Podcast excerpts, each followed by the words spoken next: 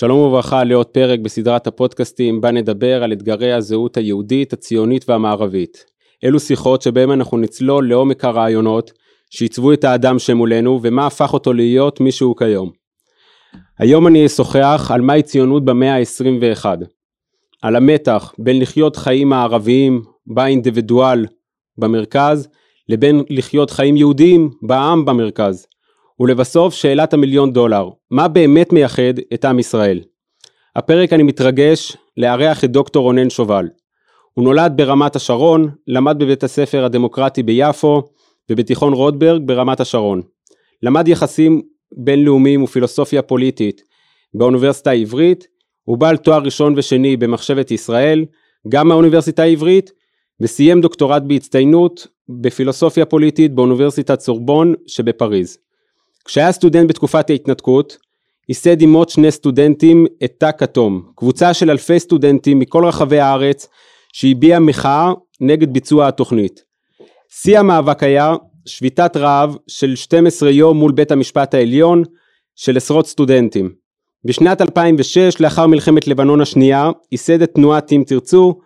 בשנת 2010 יצא לאור ספרו אם תרצו מניפסט לציונות המתחדשת. כיום הוא דיקן בקרן תקווה וראש מכון ארגמן ובמקביל הוא פעיל פוליטי ופובלוציסט ובמאמריו מתפרסמים בעיתונים המובילים בישראל. אני ממש שמח לארח את דוקטור רונן שובל, שלום לך. שלום וברכה. אתה יודע, אני מקריא את ההצגה שלך ואני אומר לעצמי, רגע, אתה בעצם אמור להיות אה, החילוני, הליברל, עם כל הסטריאוטיפים. זה לא בדיוק מתחבר לזה שאתה זה שהובלת את המחאה הגדולה בתקופת ההתנתקות. אה, זה באמת לא מסתדר אה, לכאורה, זה רק מוכיח שפוליטיקת הזהויות אה, לא תמיד עובדת, ובסופו של דבר יש לנו בני אדם עם רעיונות, עם מחשבות, עם רצונות, והם לא כבולים לתוך המסגרת הקולקטיבית שלתוכה הם נולדים, אלא מסוגלים לחצוב את דרכם דרך מימוש עצמי. אז מה באמת היו הרעיונות שהובילו אותך להיות כזה? זאת אומרת, אה, באיזה גיל זה קרה לך? מתי הבנת את זה? אה, שאלה, שאלה טובה, אני חושב שמהיום שעמדתי על דעתי הייתי יוצא דופן בבית ספר.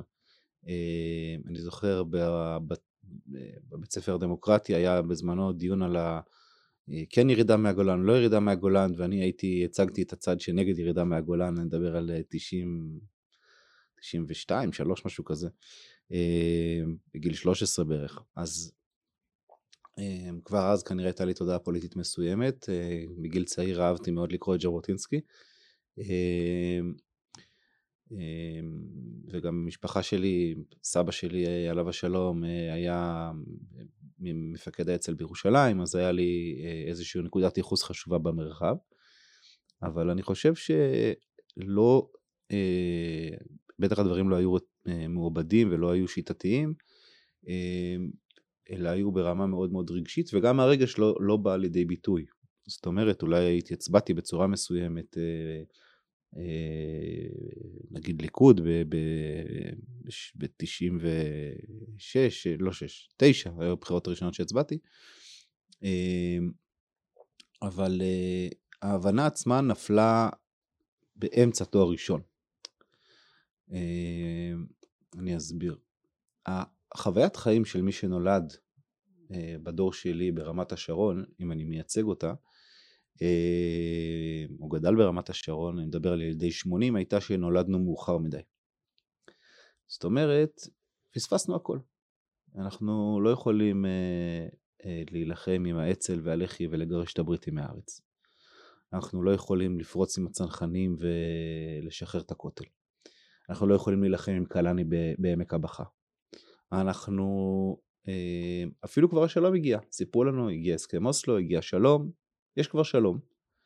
אז החוויה שלך, שכל הסיפורים, המטה-נרטיבים שלתוכם גדלנו, הם כבר מוצו, ומה שנשאר לך זה להיות אינדיבידואל, שבעצם פספס את כל ההזדמנויות, עכשיו אתה יכול, כל מה שנשאר לך זה להיות, אה, נקרא לזה לעשות כסף, זאת אומרת נשאר אה, למצות את עצמך.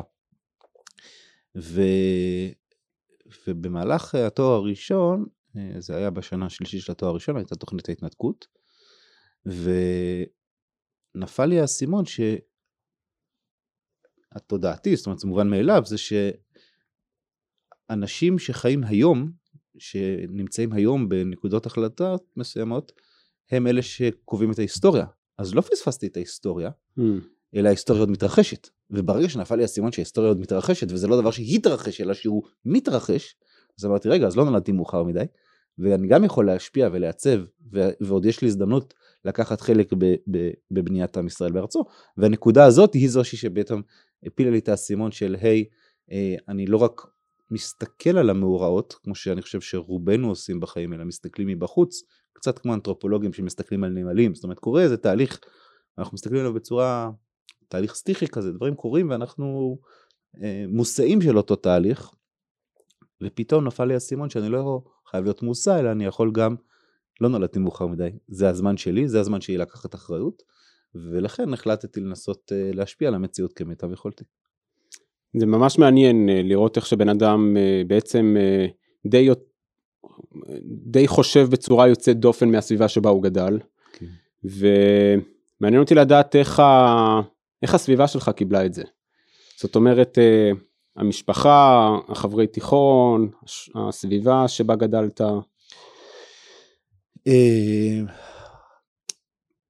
אני חושב שיש מעגלים שונים שקיבלו את זה בצורה שונה. התקינות הפוליטית בבית ספר שאני גדלתי בו הייתה תקינות פוליטית אה, מאוד מאוד מאוד אה, אה, מסוימת. אה, אני זוכר שהיה גרפיטי בבית ספר, אה, דרוס כל דוס, השמד כל חרד, תשתין על כל מאמין. בסדר? אה, שלא, שלא טרחו למחוק אותו. בסביבה שלי,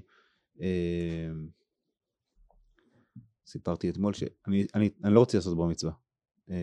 לא הכרתי אף אחד שעשה בר מצווה. רק בשביל לסבר את המרחב, כן? אה, אני חושב שעד האוניברסיטה לא כל כך, אולי שמעתי שהיה תשעה באב, אבל לא, לא, לא, לא, הוא לא היה חלק מה, מהחיים שלי. אה, אז המרחב קיבל את זה בצורה, אולי בשלב מסוים זה היה נראה כמו איזה מרד נעורים. אה, בשלבים מאוחרים יותר זה היה, אוקיי, אז הוא... שוב אני רוצה להבחין במרחבים. מרחבים פוליט... מרחבים של הבית ספר היה, הרגשתי מאוד אקסצנטרי. משפחה, אה, היו המון המון ויכוחים במשפחה המורחבת, אין סוף ויכוחים. אה, אה, אבל אה, בסופו של דבר אני הרגשתי ש... האחריות שלי להגיד את מה שאני חושב, ו... והיה מקום לתת, אני חושב שחלק מהאתוס אה, שחיים בתוכו, לפעמים האתוס הליברלי שגדלתי בתוכו, מאמין, מאמין בביטוי עצמי, מאמין בחופש מחשבה, הוא לא תמיד מיישם את זה, אבל ברגע שאתה אומר, מסב את תשומת ליבו ל, היי אתם פלורליסטים, אז אולי כדאי לתת לי גם להביע דעתי, אז uh, מה שזה במיוחד חידד אצלי זה את היכולת להתווכח אני חושב, כי כשאתה נמצא בכיתה ואתה היחיד שחושב בצורה מסוימת, אה, או בבית ספר ורואים אחר כך שני חבר'ה ככה בשקט ואומרים לך, טוב מאוד, תמשיך להגיד את זה, אה, אז אתה מבין שאתה אתה מבטא, מבטא קול מסוים שקיים וחשוב שהוא יישמע. זה ממש מעניין אה, לדעת איך שבן אדם גדל במקום מסוים והוא צומח דווקא מזה שהוא יוצא דופן, דווקא מזה שהוא חריג, זה מה שנותן לו את היכולת להיות ולהתפתח בצורה שבה הוא מאמין בצדקת הדרך, אה, זה מחדד אצלו את העמדות, אה, לא... Yeah, אני חושב שאנחנו רואים את זה אצל הרבה מאוד אנשים אה, שהם גדולים ממני וחשובים ממני כמובן בהיסטוריה של עם ישראל. פרויד כתב על זה בתחילת הספר שלו למשל על משה רבנו, שהוא אומר שאחת הסיבות שמשה רבנו כל כך הצליח זה כי הוא גדל בארמון המלך. זאת אומרת, הוא מתאר מאוד יפה, הוא אומר, הוא היה חריג בארמון המלך, אז זה, זה מה שאפשר לו להיות, לבלוט. אז להבדיל אלף אלפי הבדלות כמובן, אה, אבל אנחנו רואים את זה אצל הרבה מאוד אנשים שהם אה, אה, דרך, ה, הייתי אומר, דרך החיכוך עם המציאות, הם מצליחים לנסח את עצמם בצורה יותר טובה, בצורה יותר חריפה, לבטא את עצמם בצורה יותר טובה, ובסופו של דבר לצמוח, כי אם כולם מסכימים איתך כל הזמן, ואתה גדל בתוך איזושהי מערכת ש, ש, שאתה מאוד מאוד קונפור, קונפורמיסטי בה, אז היכולת שלך בסופו של דבר לפתח את האישיות שלך היא מאוד מאוד אה, נמוכה. לעומת זאת, אם אתה כל הזמן צריך להצדיק את עצמך ואתה משקיע משאבים אינטלקטואליים ורגשיים בלבנות את העולם הפנימי שלך, אז היכולת של האדם לצמוח היא גדולה יותר. יפה. אז הזכרת מקודם את זה ש... את התחושות האלה שאתה גדלת בסביבה אה, אה, ליברלית ואינדיבידואליסטית של שנות ה-80, וזה מוביל אותי להבחנה מאוד מעניינת שאתה עשית בספר, שבו אתה ניתחת את התופעות הפוסט-ציוניות שקיימות גם בימין וגם בשמאל. Mm-hmm. עכשיו, כשאני קראתי את זה, זה היה לי מאוד מפתיע, בגלל שאמרתי, אוקיי, אה, אנחנו מאוד רגילים לחשוב שהדעות השמאלניות, אם נקרא לזה ככה, אה, מובילות לפוסט ציונות בגלל שהבסיס השקפת העולם היא מאוד אינדיבידואליסטית. זאת אומרת, היא, היא, היא לא רואה את עצמה, היא לא נותנת משקל לקבוצות. אה, ובכל זאת אתה אומר, לא, יש גם כן בישראל תופעות פוסט ציוניות גם בימין וגם בשמאל. Mm-hmm. תוכל להרחיב למה אתה מתכוון? תראה, אני פתחתי, הסיבה שכתבתי את הספר הזה זה כי פתחתי ספר של מוטי קרפל, המהפכה האמונית. אני זוכר שאני שכבתי על המיטה וקראתי את הספר, והוא פותח את הספר בהסבר למה הוא, אה, למה הציונות סיימה את תפקידה. חשוב לציין שמוטי קרפל אה, הוא הוגה דעות, אה, היה עורך של כתב העת נקודה, שזה היה כתב העת של הימין המתנחלי, ואחר כך הקים את מנהיגות יהודית בליכוד, עם משה פייגלין, שבאותו מאמץ של אה, לקחת חלק בעיצוב תנועת הליכוד. והמחשבה, והוא כותב אה, ספר מרתק שמסביר למה הציונות סיימה את תפקידה. וזה מימין. אז הייתי אומר שיש פה... באיזה מובן הוא התכוון שהציונות סיימה את תפקידה? אוקיי. הוא אה, ביאר את הציונות כתנועה שבעצם חושבת אה, על האינדיבידואל החילוני ובעצם התפקיד שלה היה להביא את האנשים לארץ, הוא מה שאני קראתי בספר שלי הציונות השלילית, אוקיי? זאת אומרת אה, ריכוז של כל הציונות רק לכדי מקלט בטוח, אוקיי? אמ, ולא לכדי, אה, אה, אם אנחנו נחשוב על הציונות אפשר לחשוב עליה כעל, אה, הייתי קורא הרבה שתי תנועות שונות שמפרשות אותה. תנועה אחת אומרת כל מה שאנחנו רוצים זה מקלט בטוח, ותנועה אחת אומרת לא, זה, הציונות זה תנועת רנסאנס שמבקשת לחדש את ימינו כקדם. אלה שני האימפולסים שקורים בתוך הציונות. ציונות שאפשר לתת לה מובן שלילי, וציונות שאפשר לתת לה מובן חיובי. אז קרפל מפרש את הציונות רק על הדרך השלילית, אוקיי? אמ, ואני חושב ששני האימפולסים האלה נמצאים בתוך, בתוך הציונות. יש לנו אה, חלוקה של הציונות, אני רוצה להסב את תשומת לבך שהחלוקה הזאת של ציונות שלילית וציונות חיובית, אפשר היה לחשוב בטעות שזה חלוקה לימין ושמאל. אבל זה לא ככה, אוקיי? אה, תחשוב למשל על השם של הספר הכי מפורסם של אה, נתניהו.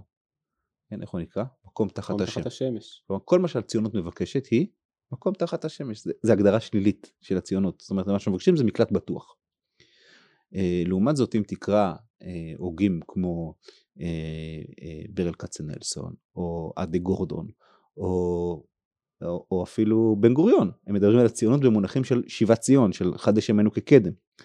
אז אה, שוב, אני לא חושב שנתניהו זה הקול היחיד שנשמע, נמצאים אצלו כמובן גם קולות חיוביים, אני רק מנסה להגיד שהדבר יותר מורכב מככה מפרשים השמאל וככה מפרש הימין. לא, אתה מוצא פרשנויות אה, עמוקות בתוך השמאל שרואות את הציונות כתנועת רנסאנס, כתנועת תחייה תרבותית, ואתה מוצא גם אצל הימין אה, אנשים שמפרשים את זה רק כמקום תחת השמש. אה, אז, אז בביאור של קרפל הוא אומר ככה, הציונות היא רק מקלט בטוח, אז שמנו את המקלט בטוח, אז נגמרה הציונות. Hmm. בסדר? ולכן מה שעכשיו צריך זה מהפכה אמונית. שזה אומר? מהפכה אמונית, אה, קודם כל אני ממליץ להזמין את קרפל לדיאלוג הבא שלך, אבל זה מה שזה אומר, זה אומר אה, אה, להניח את הציונות בצד, ועכשיו אנחנו צריכים לייצר פה, עכשיו זה כבר המילים שלי, בסדר, אפשר יהיה להתווכח על זה, האם זה, זה תיאוקרטיה, או איזושהי מערכת יחסים שונה לחלוטין שמפרשת את הציונות, כמה ש... את ה... מה שאני קורא לו ציונות חיובית, כי אני חושב שהכל הזה נמצא עמוק בתוך התנועה הציונית, והוא מפרש את הציונות בצורה נורא נורא רזה בשביל לזרוק אותה ואני חושב שזה עוול כלפי התנועה הציונית וזה, וזה לא אה, זה, זה גם לא הוגן מבחינה היסטורית וגם לא יעיל מבחינה, מבחינה, מבחינה ריאלית. אחרי שניתחת את, אה, את התופעות הפוסט ציוניות שקיימות גם בימין וגם בשמאל אתה רוצה להביא אה, פתרון שלא אתה קורא נאו ציונות. כן. שמה זה אומר בעצם? זה בעצם מתכתב עם קרפל אני רוצה להגיד לו זה אומר ציונות, בסדר, אני, אם, הספר צריך להניח אותו, את הפרקים אחד על השני, לא לקרוא כל פרק בנפרד, אז בסופו של דבר אני מראה איך הנאו ציונות זה בעצם ציונות. מה שאני מנסה להגיד זה הנאו ציונות זה החלק החיובי, זאת אומרת אם קודם זיהינו את החלק השלילי, שזה רק מקלט בטוח, אז יש, אני אומר לא, יש בציונות גם מרכיב חשוב נוסף, שזה חדש ימינו כקדם, שזה אה, חיפוש אחרי איזושהי זהות קולקטיבית מסוימת. אולי, אולי חשוב פה להבהיר בין הדברים. אה,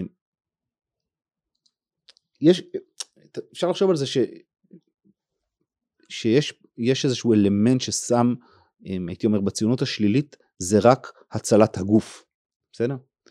ו, ו, והצד של הציונות החיובית הוא מדבר על הרוח, בסדר? ולכן אני מנסה לחבר בין שני הדברים האלה ולא להגיד, אי אפשר להגיד בוא נוותר על החומר, אי אפשר לוותר על החומר, הרוח חיה בתוך החומר, אוקיי?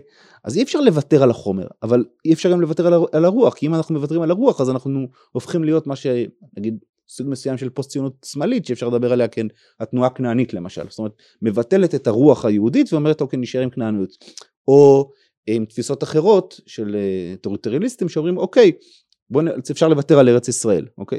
אז אנחנו רואים את הרצל, זה מאוד מעניין, הרצל פותח את, ה...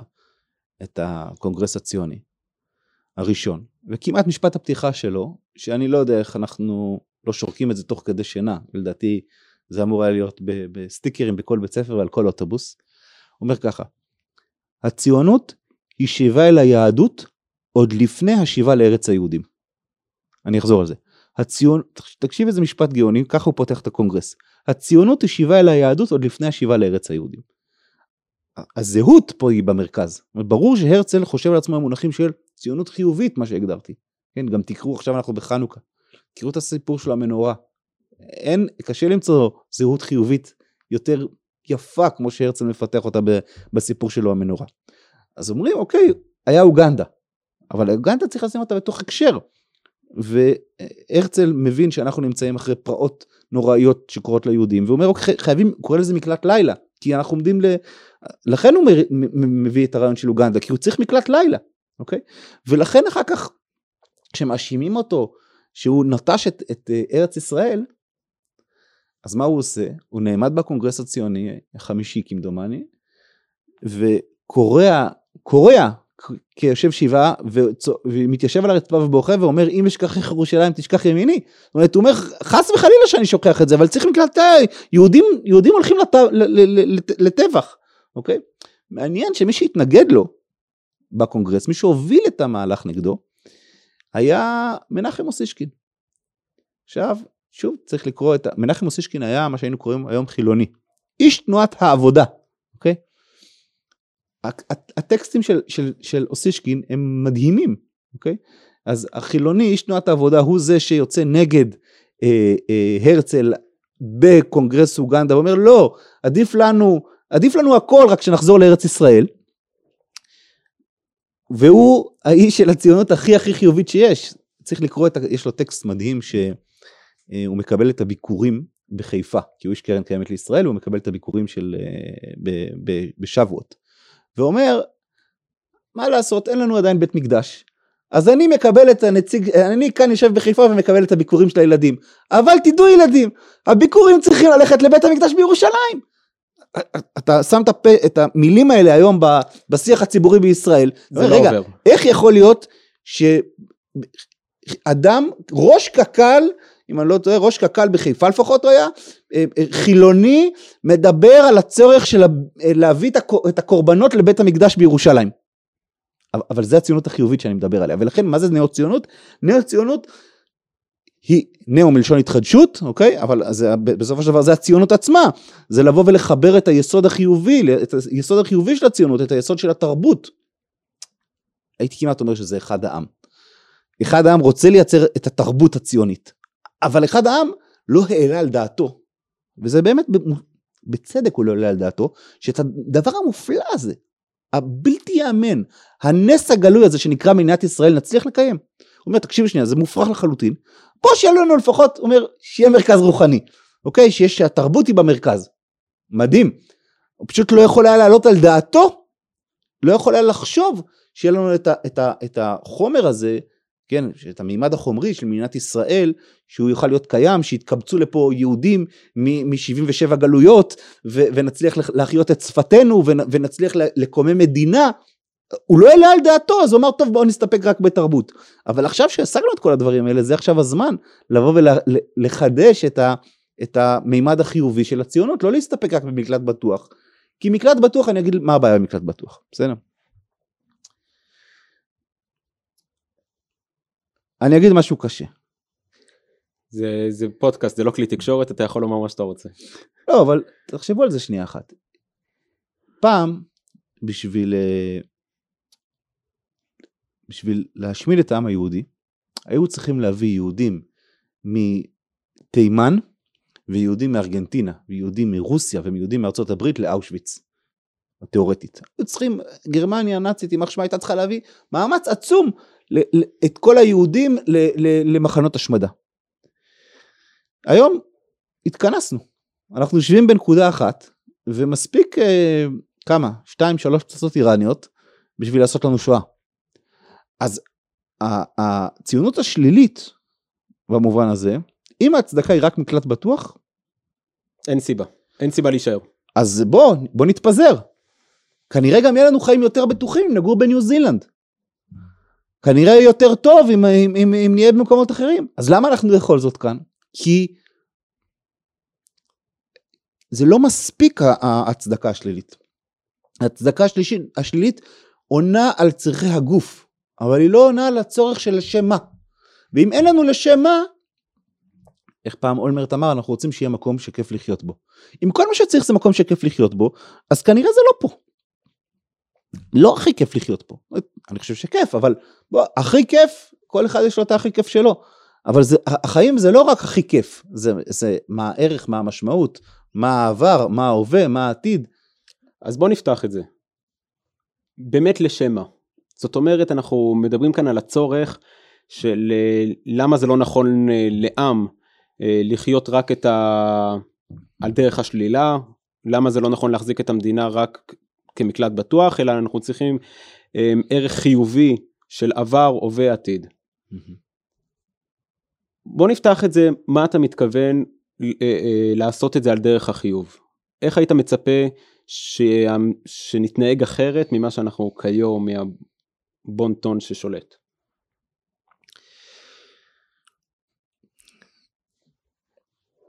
זו שאלה קשה, אני אנסה להציע את המחשבה הבאה.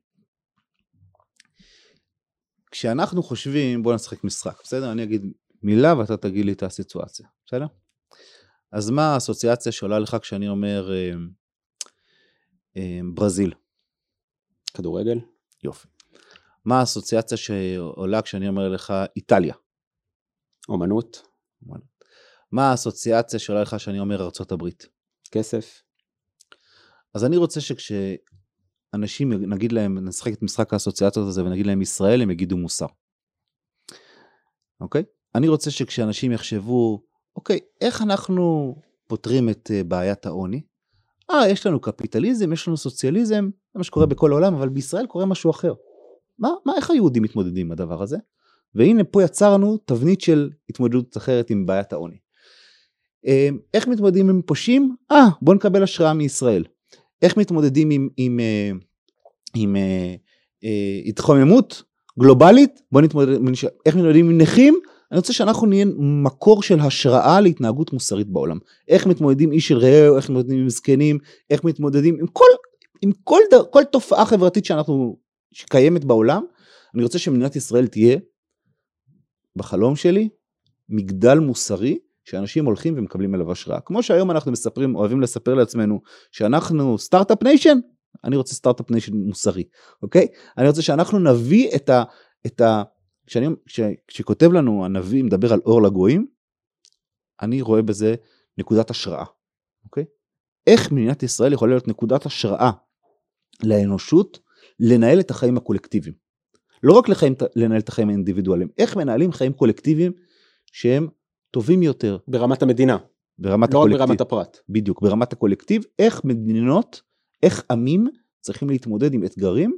אני רוצה שאנחנו נהיה נקודת ההשראה לאומות. ככה אני מבין את אור לגויים, ולכן אני חושב שכשאנחנו שואלים את עצמנו מה, מה, מה, מה התפקיד שלנו בעולם הזה, אז התפקיד שלנו הוא לממש ערכים שהם ייחודיים לנו, בתוך מסגרת קולקטיבית. זה התפקיד של מדינת ישראל. Mm-hmm. ככה אני רואה אותו. נקודת השראה. מעניין מאוד. עכשיו, כדי לחיות חיים קולקטיביים, צריך לזה חינוך אה, קולקטיבי, אה, חינוך שנותן אה, ערך לקולקטיביות. זאת אומרת, הצעיר המערבי היום מאוד מתחנך על הגשמה עצמית ועל אינדיבידואליזם, וכדי שנצליח באמת להתנהג ברמת המדינה כמו שאתה רוצה, שזה אומר לחיות חיים קולקטיביים, אה, כעם ולהבין שאנחנו חלק מי, אה, צריך לזה חינוך.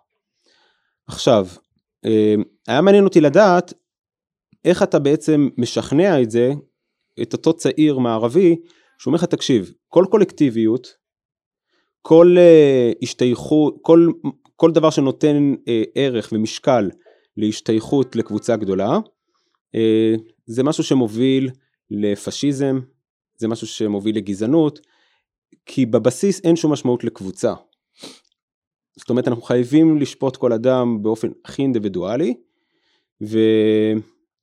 ובעצם כדי uh, להטמיע את מה שאתה אומר, אז כן צריך לזה חינוך של, אינדיביד... של uh, קולקטיביזם. לא. לא. Uh, התחלת בשאלה הראשונה שלך לגבי המסע שלי וסיפרתי לך על הנקודה שלי כאינדיבידואל, נכון? לכן אני לא חושב שיש סתירה בין הדברים, אני חושב שהם משלימים אחד את הדברים. כי יכול שהאדם, מהו המיצוי העצמי? המיצוי העצמי, השאלה היא, מיצוי העצמי הוא, הוא איך אני מצליח למצות את הייחודיות שלי כאינדיבידואל בתוך מסגרת, אוקיי? איך אני תורם לכלל, בסדר? אבל זה מיצוי, זה מיצוי של האינדיבידואל, אבל במסגרת של הכלל, אוקיי? תפיסה מאוד מאוד רפובליקאית, שמזהה בין זכויות לחובות למימוש המידה הטובה. אני אסביר. אנחנו יכולים לחשוב על כל מיני פרשנויות לשאלה מהי המידה הטובה. מהם מה החיים הראויים של האדם. אז בוודאי שזה חיים ראויים יכולים להיות חיים של, שבהם כל אחד משתמש בכוחות שיש לו. אחד יכול להיות, שואלים את טרומפלדור מה, מה, מה אתה תהיה, אז הוא אומר, אם צריך שאני אהיה אה, גלגל אני גלגל, ואם צריך שאני אהיה אה, נהג אני נהג, זאת אומרת היכולת שלך היא למצוא את כוחות הנפש שלך, את כוחות הרוח שלך לטוב, לטובת אותו מעגל שאתה משתייך אליו. המעגל הזה יש בו אני חושב מעגלים של זהות, יש לך המעגל שהוא מתחיל מעצמך, הוא נמשך למשפחה ועובר דרך הקהילה ועובר דרך העם ומסתיים באנושות כולה. זאת אומרת אה, זה לא בא על חשבון האחר.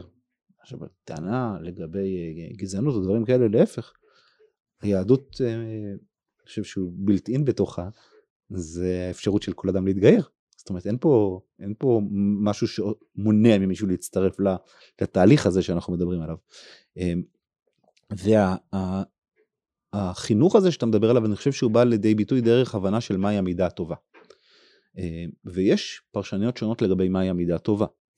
אה, אז הפרשנות, אני חושב, היהודית שאני מנסה להציע כאן, היא פרשנות שאומרת שהאדם צריך למצות את עצמו, אבל לזכור שהוא חלק מהקשר. אני נולדתי, אה, בעל כורחי, אני נולדתי לאומה מסוימת, לשפה מסוימת, לתרבות מסוימת, בזמן מסוים, ובוא ניקח את המקרה הספציפי שלי ושלך. בשביל שאני ואתה נוכל לשבת פה ולדבר, עמלו דורות של יהודים. דורות של יהודים עמלו על זה שיהיה לנו שפה, עמלו על זה שיש לנו תרבות, עמלו על זה שיש לנו את הפנאי, פנאי הבסיסי כרגע להתעסק במחשבות, ואם נהיה יותר קונקרטיים, להגיע לרגע הזה מתו משהו כמו 23 אלף חיילי ישראל.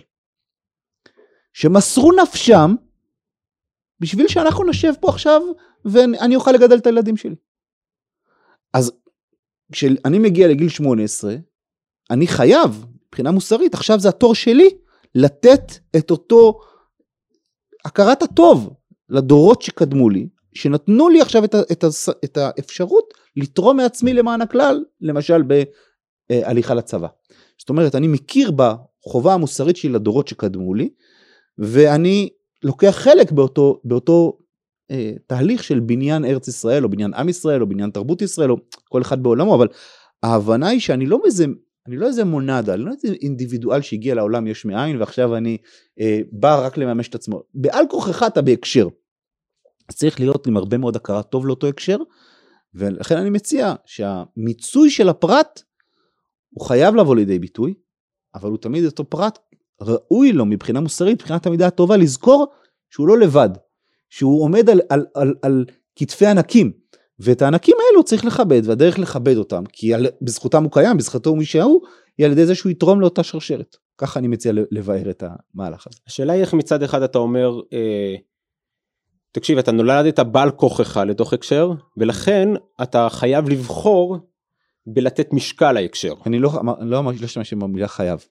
אני אמרתי... כאילו לכן אתה נותן לזה משקל. לכן אני אומר שזה המידה טובה. לכן אני אומר שזה ראוי. Mm. אוקיי? לא מחייב, אם אדם רוצה עכשיו אה, ללכת ל, אה, לממש את עצמו ב...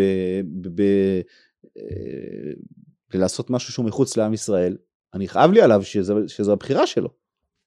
אני לא מחייב אותו. אני חושב שזו המידה הטובה, אני חושב שאנחנו צריכים לחנך שזו המידה טובה לתרום לכלל. בסדר? אני חושב שזה חשוב שהמידה הטובה שלנו היא להבין שאנחנו חלק מ. זו מידה טובה. אה, אני לא חושב שאני יכול להשתמש פה יותר מזה. אם אני אשתמש פה בכלים של כפייה, אז הטיעון שלך יהיה נכון. הטיעון שהצגת של אה, אה, זה קולקטיביות שרומסת את האינדיבידואל. לא, אני חושב שזה כלים של חינוך, לא, כל, לא כלים של כפייה, זה לא בניין של חוק. אם נחזור לדוגמה שלך של ללכת לצבא, זה הופך להיות חוק. זה חוק. עכשיו, ההליכה של ללכת לצבא אמורה לבוא, כפי שאתה אה, אה, הגדרת את זה, זה אמור לבוא ממקום של המידה הטובה, של הכרת הטוב לדורות הקודמים, שנתנו לנו את היכולת אה, להיות כאן. נכון, לחיות בזכותם. ש... אני חושב שבאמת אם תסתכל על האתוס המכונן של הסיבה שבגללו אנשים הולכים לצבא, זה לא בגלל, זה לא בגלל החוק. ברור. אנשים הולכים לצבא כי הם מבינים שזה הזכות שלהם. זה לא החובה שלהם, זה הזכות שלהם. ואם זאת תהיה מידה טובה, אז נצליח. לא, כי החוק הוא, הוא, הוא טכני, זה לא, זה לא הסיבה שאני בגיל 40 עושה מילואים. תאמין לי, מאוד קל להגיד לא רוצה ואף אחד לא יקרא לך. לא, יש לי זכות. אתה מבין? אני רוצה את הזכות הזאת. החוק הוא לא, הוא לא פונקציה כאן. אני רוצה, אנשים צריכים ללכת לצבא ולרצות להתנדב ליחידות קרביות ולהתנדב לשירות משמעותי, בגלל שיש להם זכות לקחת חלק בקיום הממשי של עם ישראל. זה, לא, זה לא, זה לא יש להם, יש להם חובה מוסרית לדורות של יהודים שנלחמו ומסרו והשקיעו את זמנם ומרצם בשביל שנגיע, למק... בשביל שאני אגיע לגיל 18 יכולתי לישון בלילה, לילה אחרי לילה. למה יכולתי לישון בלילה?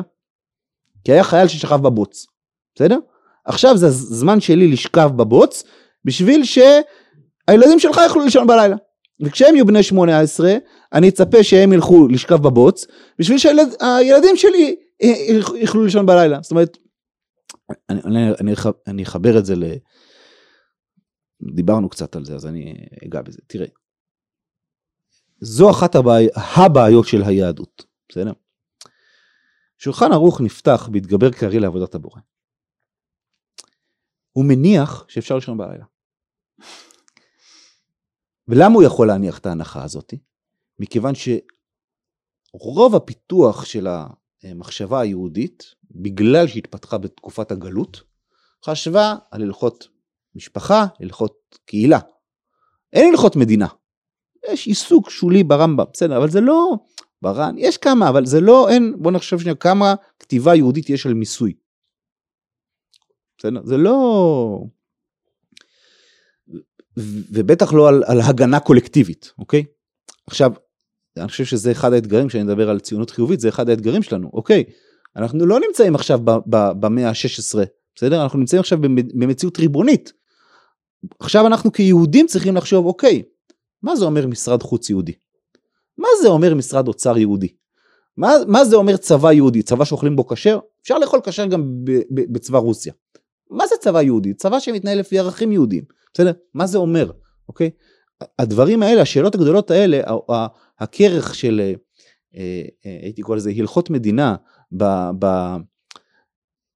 בתלמוד, הוא הכרך שאנחנו, שזה המשימה של הדור שלנו לכתוב אותו. זאת אומרת, התלמוד נחתם שנת 500, בסדר? עכשיו יש לנו את התקופה שלנו שאנחנו צריכים להוסיף את, את הכרכים הבאים שעונים על השאלה על החיים הקולקטיביים. מה זה אומר כיהודים לחיות אותם חיים קולקטיביים?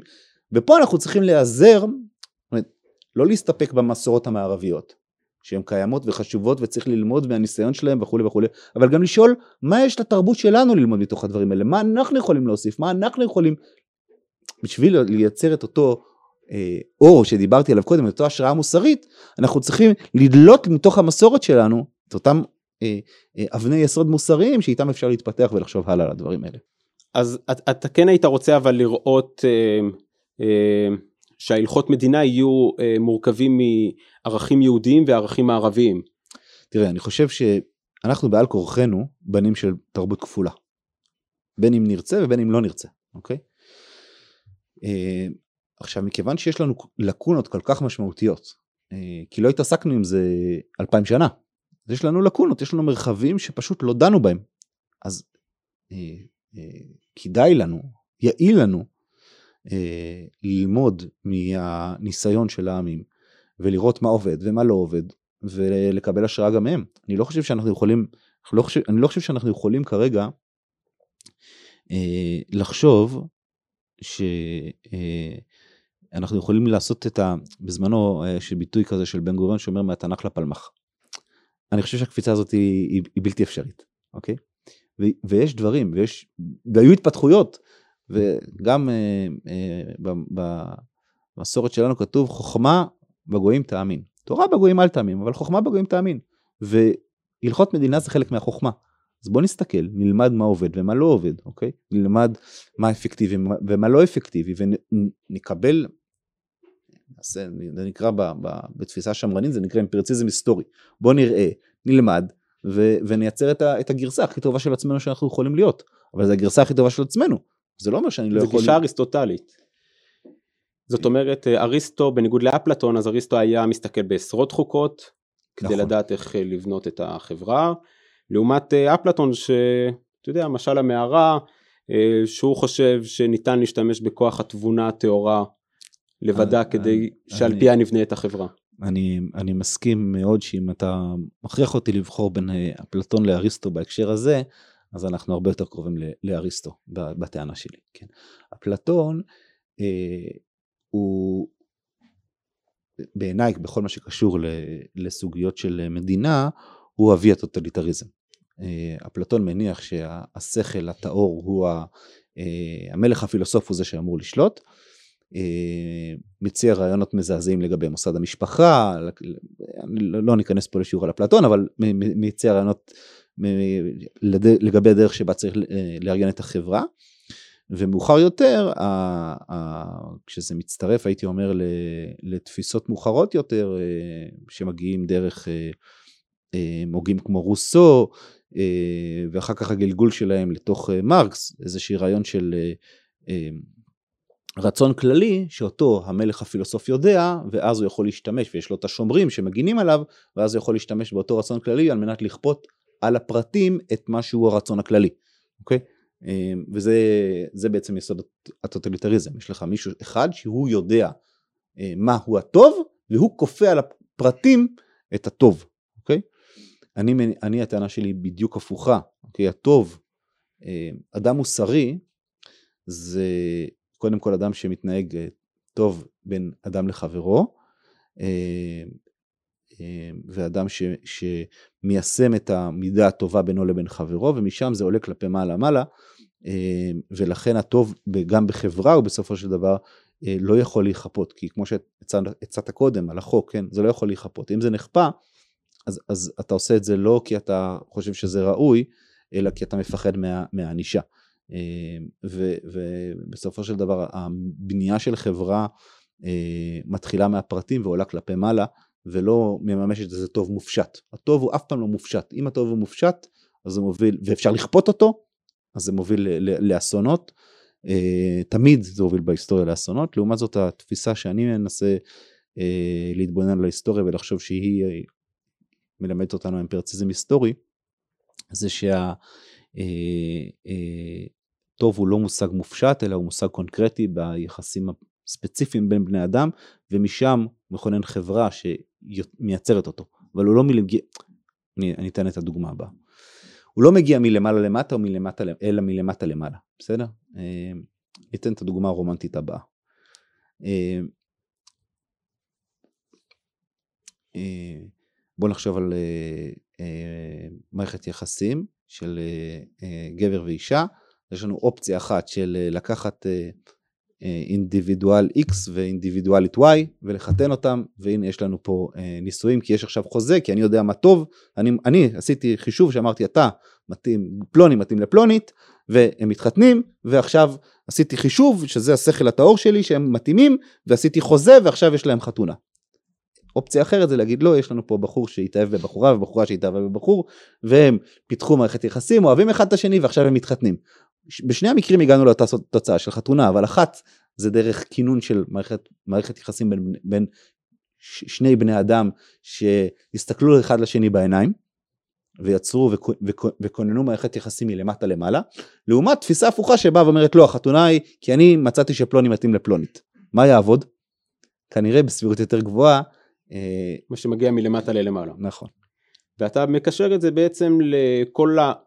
לכל דבר, לכל הערכים שבהם, אה, שאותם אנחנו רוצים להנחיל לחברה.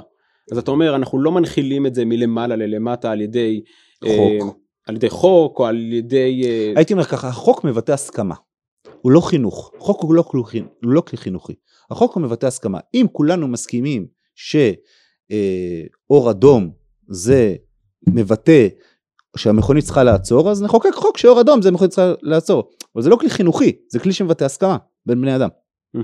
בסדר? החינוך הוא, הוא, אני רוצה שנייה שנפריד קונספטואלית בין שני מונחים שונים, מדינה וחברה. אני מדבר על החברה. המדינה היא, המדינה היא, ולכן זה בדיוק הפוך גם מהתפיסה הפשיסטית כמו שהצעת, המדינה היא לא המטרה. בתפיסה הפשיסטית המדינה היא מטרה. המדינה היא רק אמצעי, המטרה היא החברה. בסדר? המדינה היא אמצעי.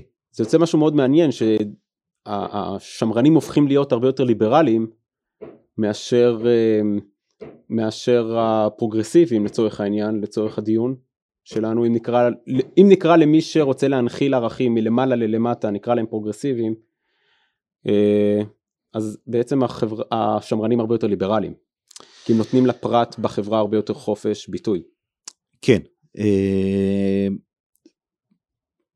אני חושב שבאמת הנקודת ההשראה של הרבה מאוד שמרנים אה, היא מאוד, היא מאוד מאוד שונה מנקודת ההשראה של הרבה מאוד פרוגרסיביים. בתפיסה פרוגרסיבית, אה, נגיד תפיסת האדם הנאור, כן, של אה, השופט ברק, מי הוא אותו אדם נאור ומאיפה הוא יודע, כן? לפעמים אני חושב שהנאור והחשוך זה אותה מערכת יחסים שבין הטהור לטמא. והוא מתפקד ככהן שיודע להבחין בין, ה, בין הטמא לטהור. וזה באמת דומה למערכת המשפט שחושבת כן רק במונחים מאוד אינסטרומנטליים כאלה. כן, אני ממש חושב שהיסודות, אפלטון הוא נקודת השראה הרבה יותר בולטת של תפיסות פרוגרסיביות בהקשר הזה. ובאמת התנועה השמרנית נותנת מקום יותר לפרט, אבל בואי נסייג את זה. שאנחנו, קודם כל, יש הבדל משמעותי בין שמרנות לליברליזם. לא יודע אם כאן כדאי לפתוח את זה, אבל יש אה, הבדל גדול בין שתי התנועות האלה. ואני מציע גם כשמדברים על היהדות, או השמרנות, או הליברליזם, אפילו הפרוגרסיביים, בסדר? הידיעה הזאתי, צריך לזכור שזה תמיד שם משפחה ולא שם פרטי. אה, ואפשר בתוך כל אחת מהתנועות האלה לעשות זום אין ועוד זום אין ועוד זום אין ולראות נקודות מפגש ונקודות שוני ו- ונקודות מחלוקת ונקודות הסכמה. המציאות יותר מורכבת מ- מ- מהכותרות האלה, למרות שהכותרות האלה מאוד מאוד חשובות כשמנסים לחשוב על רעיונות. אבל לשאלתך, כן, בוודאי התנועה שמרנית, לכן יש הרבה הוגים שמזהים אותה כתנועה שמרנית ליברלית, אה, אה, מעניקה הרבה יותר חשיבות לחירות, למושג החירות. אני, אולי אני אתן דוגמה נוספת שתסביר את זה. בוא נחשוב על, על, על רוסו. או אתה יודע מה, רוסו והמהפכה הצרפתית. שלושת הרעיונות של המהפכה הצרפתית זה אה, אה, שוויון, אחווה וחירות. הבעיה היא שבוא נניח שנייה אחת את האחווה בצד, שהמונח שוויון והמונח חירות סותרים אחד את השני. זאת אומרת, בוא נחשוב למשל על, על עולם אה, כלכלי, אני אני מממש את החירות שלי ועושה כסף, ואז אומרים לי לא, זה לא, עכשיו אתה עשיר והוא עני, אז צריך לייצר שוויון, אוקיי? אז איך אפשר לאזן בין השוויון לבין החירות? אז יבוא רוסו ויגיד באמצעות הרצון הכללי. ומי יודע מה הרצון הכללי? עכשיו נוסיף פה את אהרון ברק, האדם הנאור, בסדר? זה בדיוק, זה בדיוק הסכנה. והאינטואיציה, הייתי אומר, של הליברלים או השמרנים היא הפוכה לחלוטין. כשאנחנו אומרים שוויון, אנחנו לא מתכוונים לשוויון בתוצאות, אלא אנחנו מתכוונים לשוויון בפני החוק. אוקיי? כל האינדיבידואלים יש להם שוויון בפני החוק. זה הנחת היסוד. ולכן החירות, אנחנו מזהים את החירות כדבר שממנו הוא בונה את החברה. אוקיי? החירות שבה אינדיבידואלים מממשים את המידה הטובה שלהם. ככה בונים את החברה. באמצעות אחווה וחירות, כן? אבל זה, זה כמידה טובה, ולא בגלל שיש לנו איזה רצון כללי, איזה דיקטטור מ- מלמעלה שיבוא ויגיד לנו איך לממש את הדברים האלה, אלא דרך האינטראקציות הבין אישיות. ובמדינת ישראל, אה, בחברה יש, אנחנו חברה די, די מחולקת של אה, דתיים versus חילונים, אה, ימין ושמאל כמובן, יש כאן הרבה מאוד שברים, ובכל זאת הייתי רוצה לשאול אותך באיזה צורה אתה כן היית היום מנחיל את הערכים, באיזה צורה אתה כן היית משנה את החברה?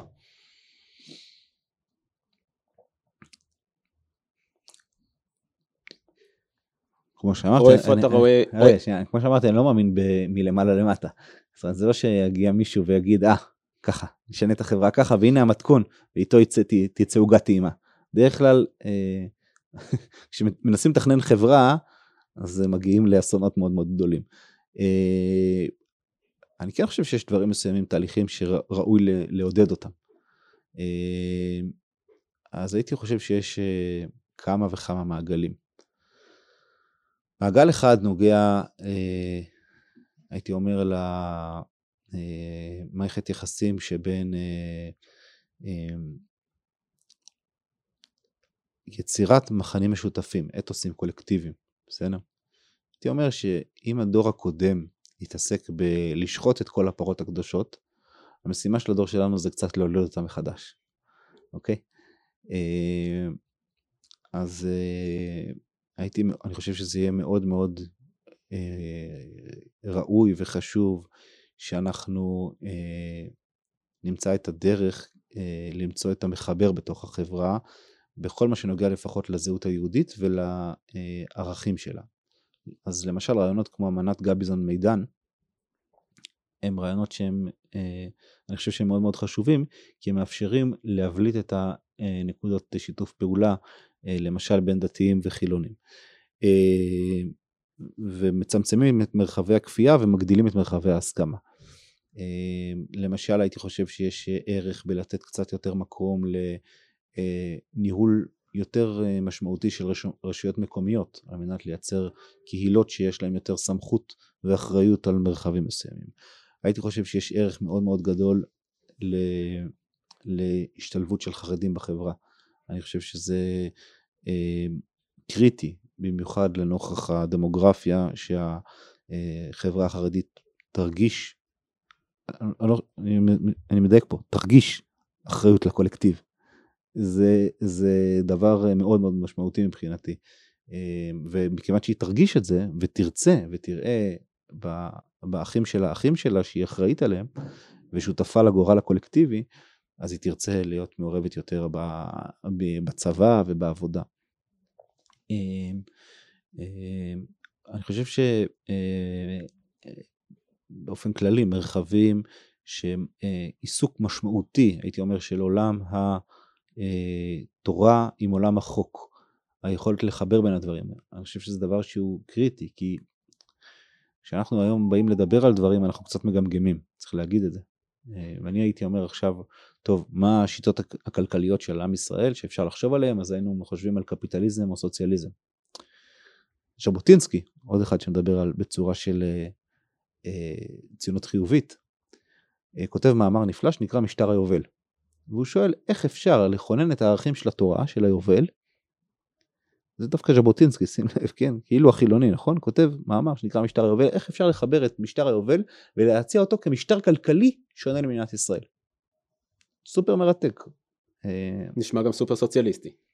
לא, הוא מציע, הוא, לא, זה מאוד מעניין, אז הוא אומר ככה, זה פחות או יותר הייתי אומר 49 שנה של קפיטליזם מאוד מאוד מאוד, אה, היינו אומרים חזירי, ובשנה החמישים אה, מאוד מאוד סוציאליסטי, אז, אז יש איזה איזון, זה מייצר איזושהי דינמיקה פנימית, שאתה יודע ששנת החמישים מגיעה, אז איך אתה, שוב, השאלה היא לא, אתה מבין, כשאנחנו משתמשים במונחים סוציאליסטי וקפיטליסטי, אנחנו, אנחנו כבר משחקים את המשחק שאני רוצה שנייה אחת שנהיה אה, בדרוש עיון כלפיו. אבל, אבל בוא נראה מה, מה המסורת שלנו אומרת על הדברים האלה. איך אפשר בעולם שהוא לא אגררי לממש רעיונות של התורה? לג... זה, זה, זה, זה התורה. זאת אומרת, בוא, בוא, מה קורה?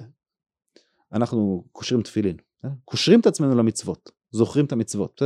כל הזמן זה למען תזכור, למען תזכור. זה, זה דבר שהוא כל הזמן, אנחנו כל הזמן צריכים להיזכר במצוות. אבל זה לא מעגלי. זה לא, זה לא תזכור, אתה לא מניח תפילין בשביל לזכור להניח תפילין. זה לא מעגלי, זה בשביל, כן, יש פה, יש פה ערך לערכים הגדולים האלה, שבשביל זה יצאנו ממצרים ובאנו לפה, להקים מדינה. מה הערכים האלה, איך זה בא לידי ביטוי, מה, מה, מה התפיסה של, ש, שאנחנו, כשאנחנו מגיעים לאותה אחריות קולקטיבית, הנה יש לנו פה הזדמנות, רוב, רוב עם ישראל יושב על ארצו. המשפט שלנו מעורב, נמצא כרגע כבליל מביך של משפט בריטי, עם משפט טורקי. משפט עברי? ומשפט לא. ישראלי. אז שזה... כמה משפט עברי כבר יש, אתה מבין? החיבור, שזה, זה אחד המעגלים שבעיניי הוא חשוב מאוד, שאנחנו, אני לא חושב שזה אנחנו רק אני ואתה, או, או אני ואתה והדור שקיים כאן עכשיו. הדור, כן, פה אני כן משתמש בה"א הידיעה, הדור הזה והדורות הבאים צריכים לשבת ולכתוב את הדבר הזה בשביל שיהיה לנו נקודת השראה לדיון, שלא נוכל, כשאני מביא לדיון, אני רוצה שנוכל להביא לא רק את רוסו, הובס, לוק, אה, אה, ברק, אה, מונטסקיה, מקיאוולי, יש לנו טוקוויל, יש לנו היום נקודות השראה נפלאות ב, ב, ב, ב, מחוץ לעולם היהודי, על הלכות מדינה. אבל מה לנו יש להביא? את הדבר הזה אני, אנחנו היום, אנחנו היום אולי תבלין, אבל אני רוצה שנהיה גם, גם עיקר, עיקר התבשיל. הבנתי. עכשיו, בשתי דקות האחרונות אתה ממש דיברת על ה... על הקריטיות לחברה שלנו אה, להקים אה, חברה שהיא אה, עם אתוס משותף. נכון. ואתה הצבעת על, ה... על החרדים שירגישו חלק מזה ושה...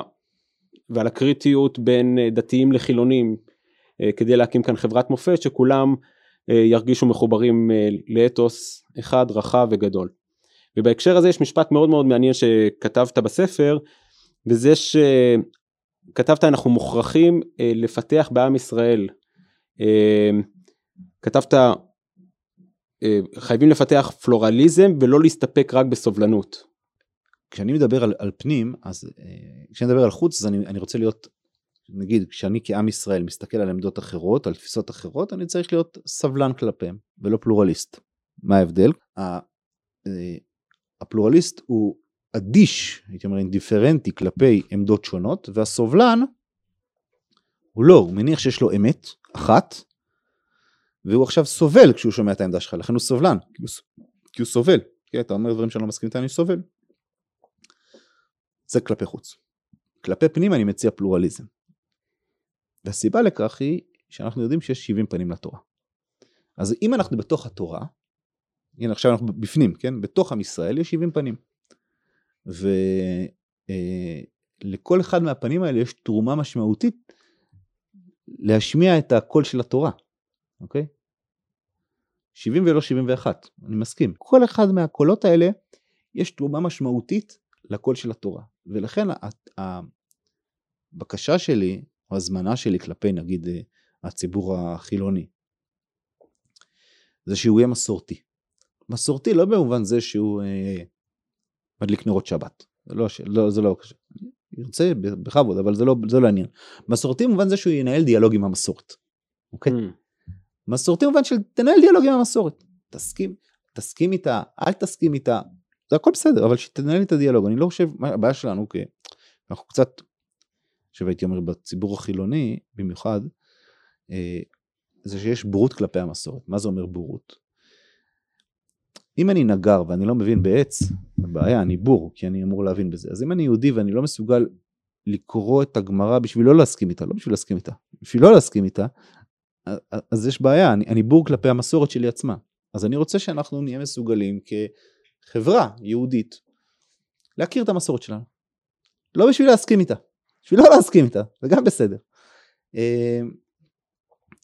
או כן להסכים איתה, הכל בסדר, אבל בתוך המשפחה הייתי מבקש, או הייתי מקווה, או מצפה, שנוכל להסכים גם שלא להסכים, אה, ולהבין ש... אה, אני אקח את זה למקומות אה, קיצוניים, בסדר? יש אמת גדולה בנשות הכותל, ויש אמת גדולה באנשים שעולים להר הבית. שניהם מבטאים קולות שהם אמיתיים בעם ישראל. ועם איזשהו נקודת אמת נמצאת שם, ובוא נסתכל עליהם ונלמד מתוך זה. אני יכול להסכים איתם, אני יכול לא להסכים איתם, אבל ה- ה- הנקודה שאני נמצא כלפיהם היא שהם מבטאים משהו אמיתי מתוך, כמעט אומר אה, עולמו של הקדוש ברוך הוא, בסדר? הם מבטאים משהו אמיתי מתוך אה, קול שכדאי להקשיב לו. ולכן העמדה שלי כלפי זה היא עמדה אה, פלורליסטית ולא סובלנית. אני לא מניח שכל מה שהם אומרים, אני לא מניח ש... כן, יריב אופנהיימר, שלום עכשיו, כל מה שהם אומרים זה לא. אני, גם הם מבטאים קול שחשוב שיישמע. ולכן במובן הזה אני פלורליסט, ואני חושב שכדאי שנהיה פלורליסטים, כי אנחנו, כי כדאי שנחשוף את כל 70 הקולות שנמצאים בתוך עם ישראל. 70 ולא 71, אני חוזר על זה, כי לפעמים, לפעמים הגבול נחצה. איפה. יודעים איפה הגבול נחצה? אפרופו נשות הכותל שאתה אומר אני מאמין להם, כן. או אנשים שעולים להר הבית שאתה אומר הם לא פרובוקטיביים. לא, אני מאמין לא, להם. לא, זה לא עניין של פרובוקטיבי או לא פרובוקטיבי. העניין הוא, אני חושב שככה, ההבדל בין אה, נביא אמת לנביא שקר, זו השאלה. האם הביקורת היא ביקורת שהתפקיד שלה הוא להרוס, או היא ביקורת בונה? אני, אני חושב שזה בדרך כלל הקו גבול. האם אני רוצה, האם אני חושב במונחים של מה טוב לנו, ואיך אני משפר אותנו? תראה, בוא נגיד אני מבקר את הצבא. שירתתי בצבא, אני משרת בצבא, ואני יש לי המון ביקורת עליו. יותר מזה, במחאת המילואימניקים הובלתי מחאה נגד צה"ל. אבל זה לא היה בשביל להחליש את צה"ל, זה היה בשביל לשפר את צה"ל. אוקיי? לעומת זאת יש אנשים שמבקרים את הצבא, לא בשביל לשפר אותו, אלא בשביל להחליש אותו. הייתי אומר זה נייר הלקסוס פה. האם אני, אה, אה, אני אסביר על נשות הכותל.